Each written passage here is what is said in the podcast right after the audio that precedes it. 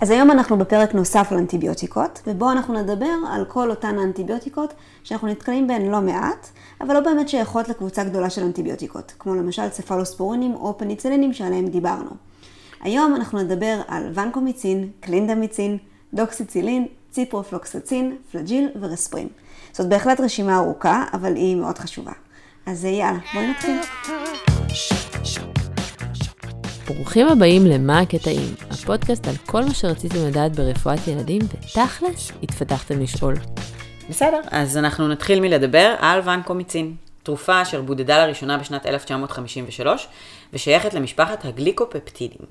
היא פועלת בעיקר על חיידקים גרם חיוביים, וגם, בנוסף, זנים שעמידים לפניצילינים, כמו מרסה. כמו כן, יש לה גם פעילות מסוימת נגד חיידקים אנאירובים, כמו קלוסטרידיום, אבל זה בעיקר כשנותנים אותה פירוס, אנחנו נדבר על זה קצת יותר בהמשך. ונקומיצין היא תרופה בקטריוצידית, כלומר, הורגת את החיידק. אתר הפעולה של ונקומיצין היא על עיכוב הסינתזה של דופן תא החיידק. התרופה נקשרת לסוג אחד של שרשרת פוליפפטידית בדופן תא החיידק, ולא מאפשרת לו ליצור הצלבה ולהמשיך ליצור את הדופן. כאשר אנחנו מדברים על חיידקים שעמידים לוונקומיצין, אנחנו מדברים על ה-VRE, ונקומיצין רזיסטנט אנטרוקוקי. בחיידקים האלו יש מוטציה ששינתה את קצה השרשרת הפוליפפטידית בדופן תא החיידק, ולכן ונקומיצין לא נקשר אליה יותר ולא יכול להרוג את החיידק.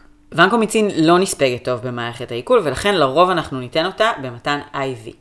אנחנו כן נותנים אותה פר אוס, אבל אז אנחנו בעצם משתמשים בעובדה שהיא לא נספגת טוב במערכת העיכול, כדי לטפל בזיהומים של קלוסטרידיום. הפעילות אז היא תהיה מקומית. חוץ מזה, ונקומיצין חוצה היטב את ה-blood-brain barrier, והיא בעיקר מופרשת על ידי הכליות. מבחינת תופעות לוואי, המצב שהכי מזוהה עם ונקומיצין הוא ה-red man syndrome. זאת תופעה שבעצם יש האדמה ופריחה באזור החזה ופלק הגוף העליון. זה יכול להופיע גם עם גרד, רעד, כאבים בבית החזה, אבל לרוב זה בעיקר האדמה הזאת.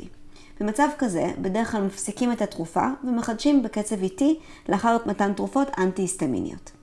עוד תופעות לוואי של ונקומיצין זה אוטוטוקסיסיות, אבל היא לרוב הפיכה לאחר הפסקת הטיפול.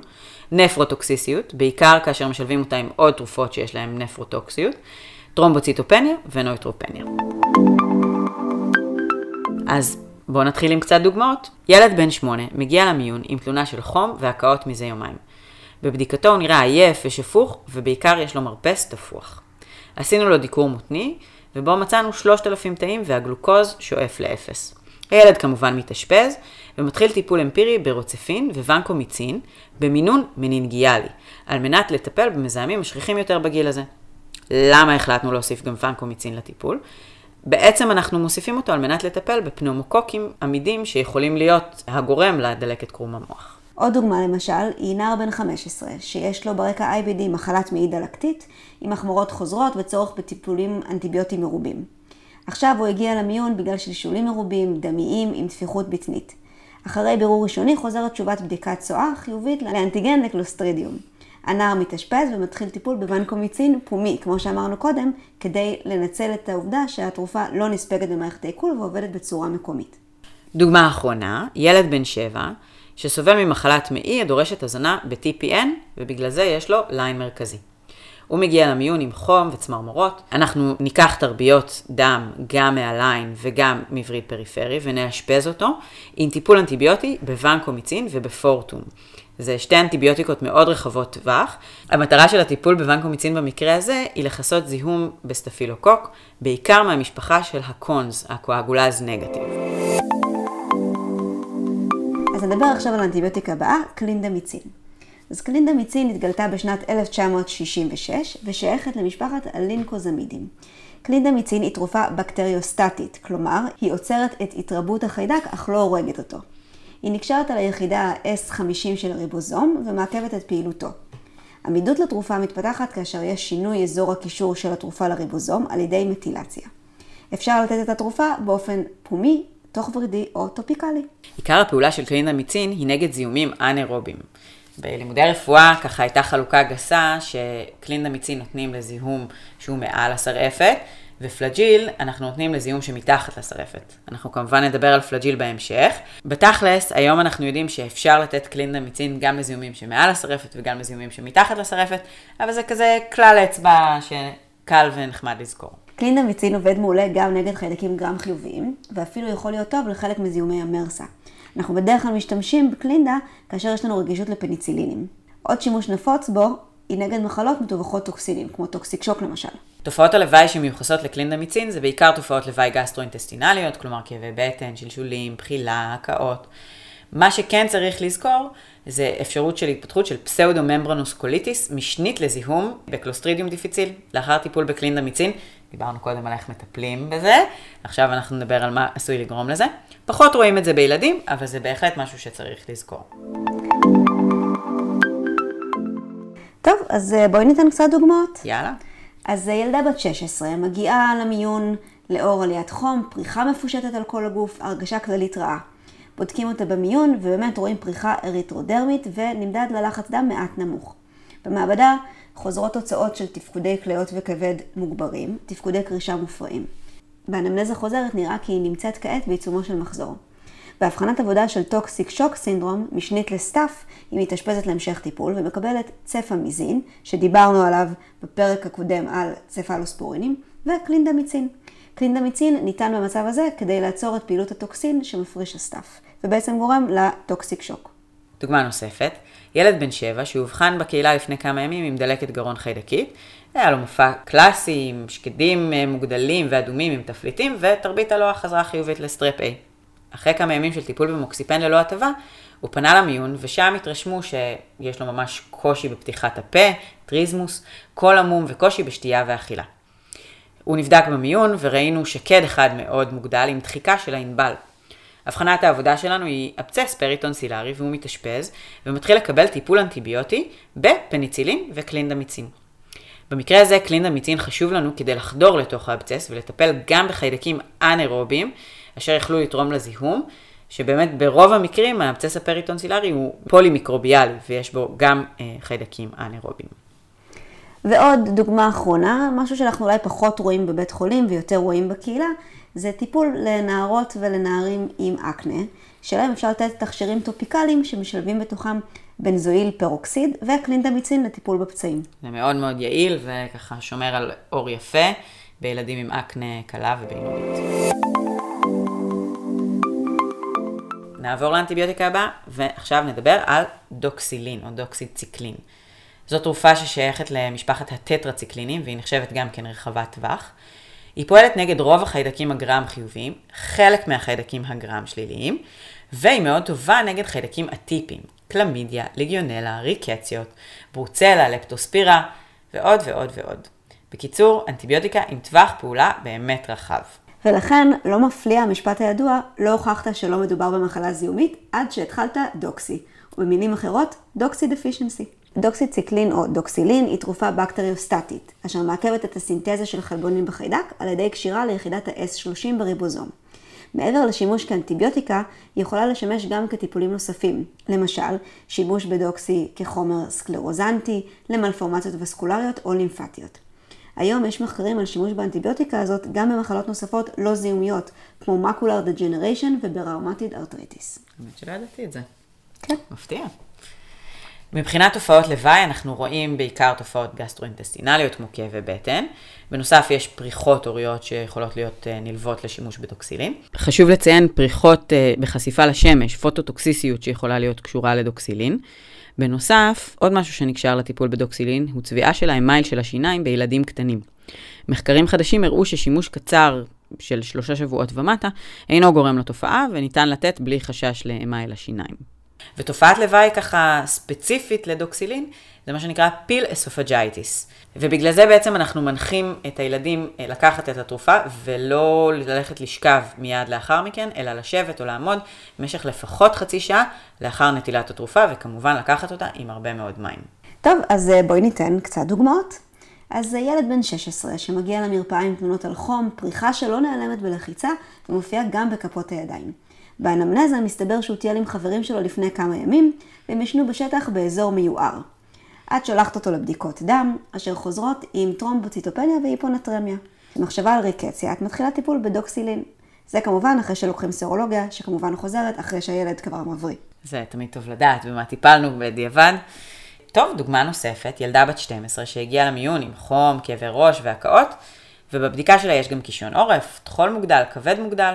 במעבדה יש עלייה באנזימי כבד, מדדי דלקת, וכשככה חופרים שוב באנמנזה, היא מספרת שהיא בדיוק הייתה בטיול בצופים, והם שכשכו בנחלי הצפון. היא מתאשפזת בהבחנת עבודה של לפטוספירה, וגם היא מתחילה לקבל טיפול בדוקסילין. טוב, אז עכשיו נדבר על האנטיביוטיקה הבאה, ציפרופלוקסצין. אנטיביוטיקה ממשפחת אקווינולונים, שהיא יחסית רחבת טווח. היא עובדת יותר טוב נגד גרם שליליים, כולל פסאודומונס, שזה חשוב מאוד. היא עובדת יותר טוב על גרם שליליים מאשר על גרם חיוביים, אבל גם את חלקם היא מכסה בצורה יחסית טובה.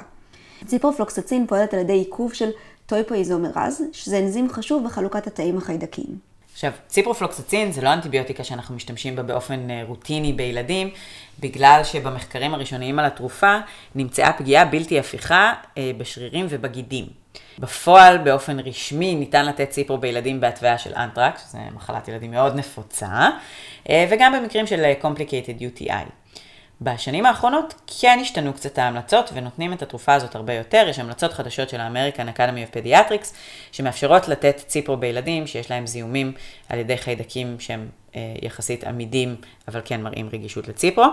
אה, גם אפילו בגילאים יחסית צעירים.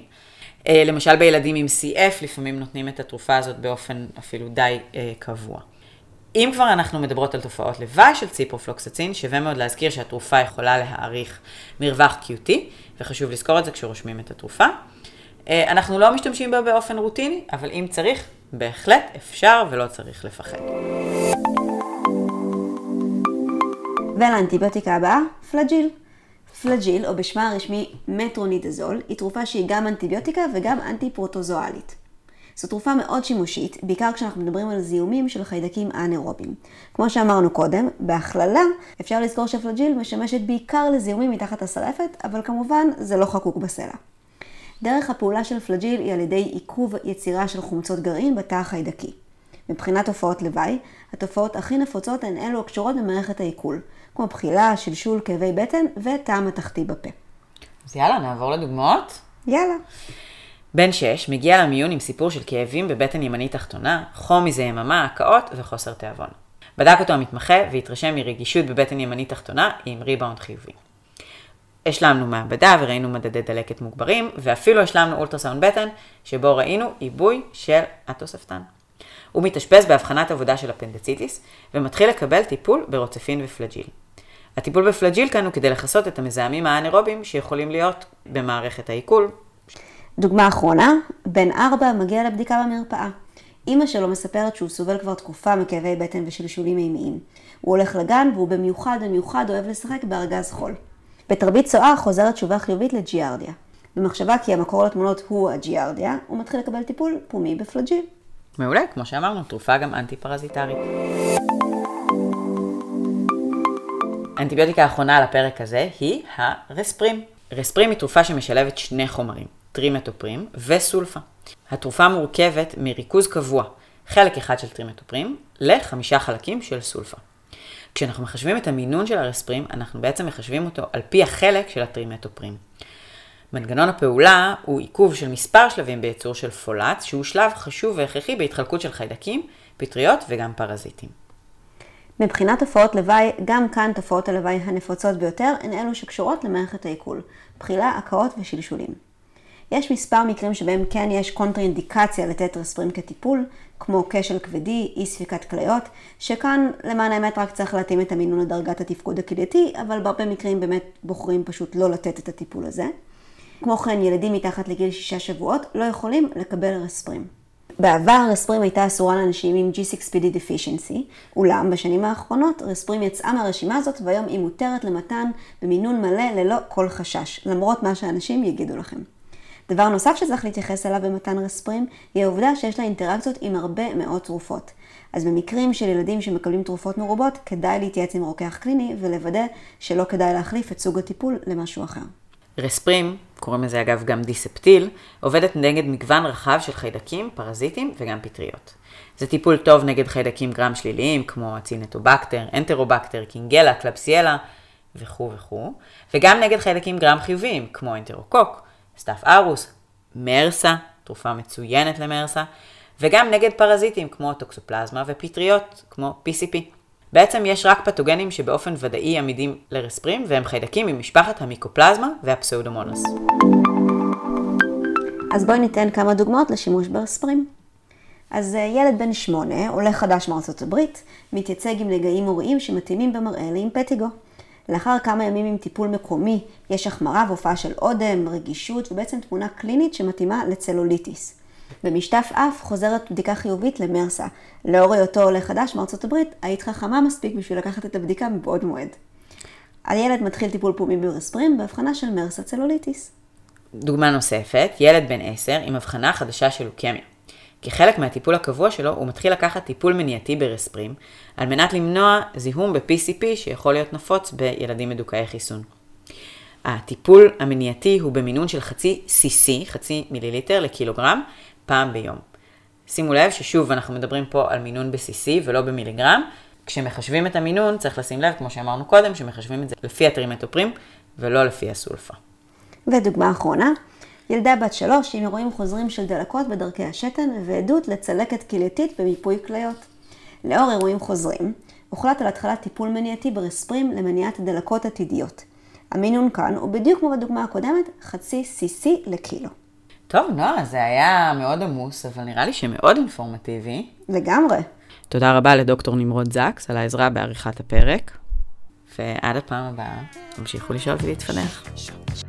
האזנתם לעוד פרק של מה הקטעים. את הפודקאסט מגישות ועורכות דוקטור אנה ברמלי, דוקטור נועה זיו ודוקטור טל גולדשטיין עקביה. תודה לכל הרופאים שמשתתפים איתנו בפודקאסט, ותודה מיוחדת לבן הזוג האהוב של ישי על כל העזרה בארגון הפרקים, תיקון הסאונד והידע הרפואי שהוא צובר בעל כורחו. ואם גם לכם יש שאלות שעד כה התפתחתם לשאול, או כל שאלה אחרת, חפשו אותנו בפייסבוק, מה הקטעים, ותכתבו לנו. ועד הפעם הבאה, תמשיכו לשאול ולהתקדח.